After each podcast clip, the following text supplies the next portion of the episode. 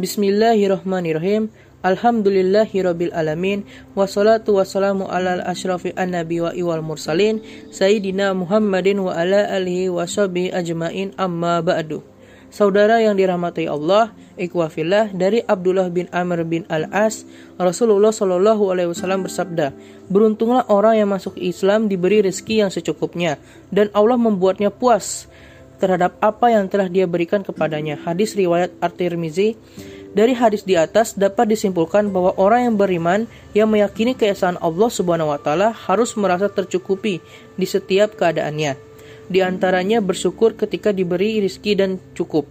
Saudara yang dirahmati Allah, ikhwafillah, begitupun Allah Subhanahu wa taala berfirman dalam surat Hud ayat 6 yang artinya, tiada sesuatu yang melata di bumi melainkan di tangan Allah rezekinya, dan dia mengetahui tempat berdiam binatang itu dan tempat penyimpanannya. Semuanya tertulis dalam kitab yang nyata atau lauh mahfuz.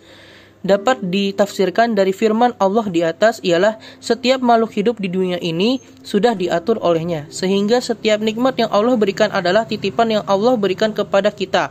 Maka dari itu, mari kita maksimalkan apa yang Allah berikan kepada kita dengan selalu merasa bersyukur dan tidak kufur terhadap nikmatnya.